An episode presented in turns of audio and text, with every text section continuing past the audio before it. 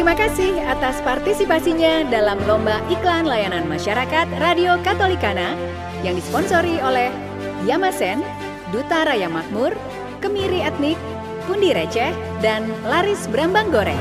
Juara 3, Jehan Maulina Maharani, Hak Orang Lain.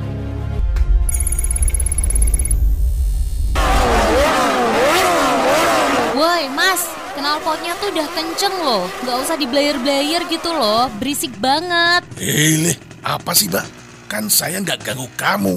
Astaga, gak ganggu gimana toh? Lah ini kan polusi suara Suarane, suarane berbeki mas Buan terepol Loh, piye toh, Mbak? Kan hakku toh.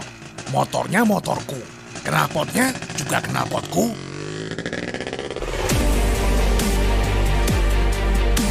Jangan salah, dalam Undang-Undang Dasar 45 Pasal 28J ayat 1 mencantumkan bahwa setiap orang wajib menghormati hak asasi manusia orang lain dalam tertib kehidupan bermasyarakat, berbangsa, dan bernegara. Ingat, hak kita juga dibatasi oleh hak orang lain. Jadi, jika kita melanggar aturan seperti mengganti knalpot yang menyebabkan terganggunya ketertiban umum, itu tindakan ilegal. Artinya, kita telah melanggar hak asasi orang lain. Yuk, saling mengasihi, menghargai, dan menghormati hak orang lain.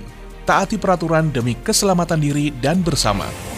Radio Katolikana, wajah gereja Nusantara.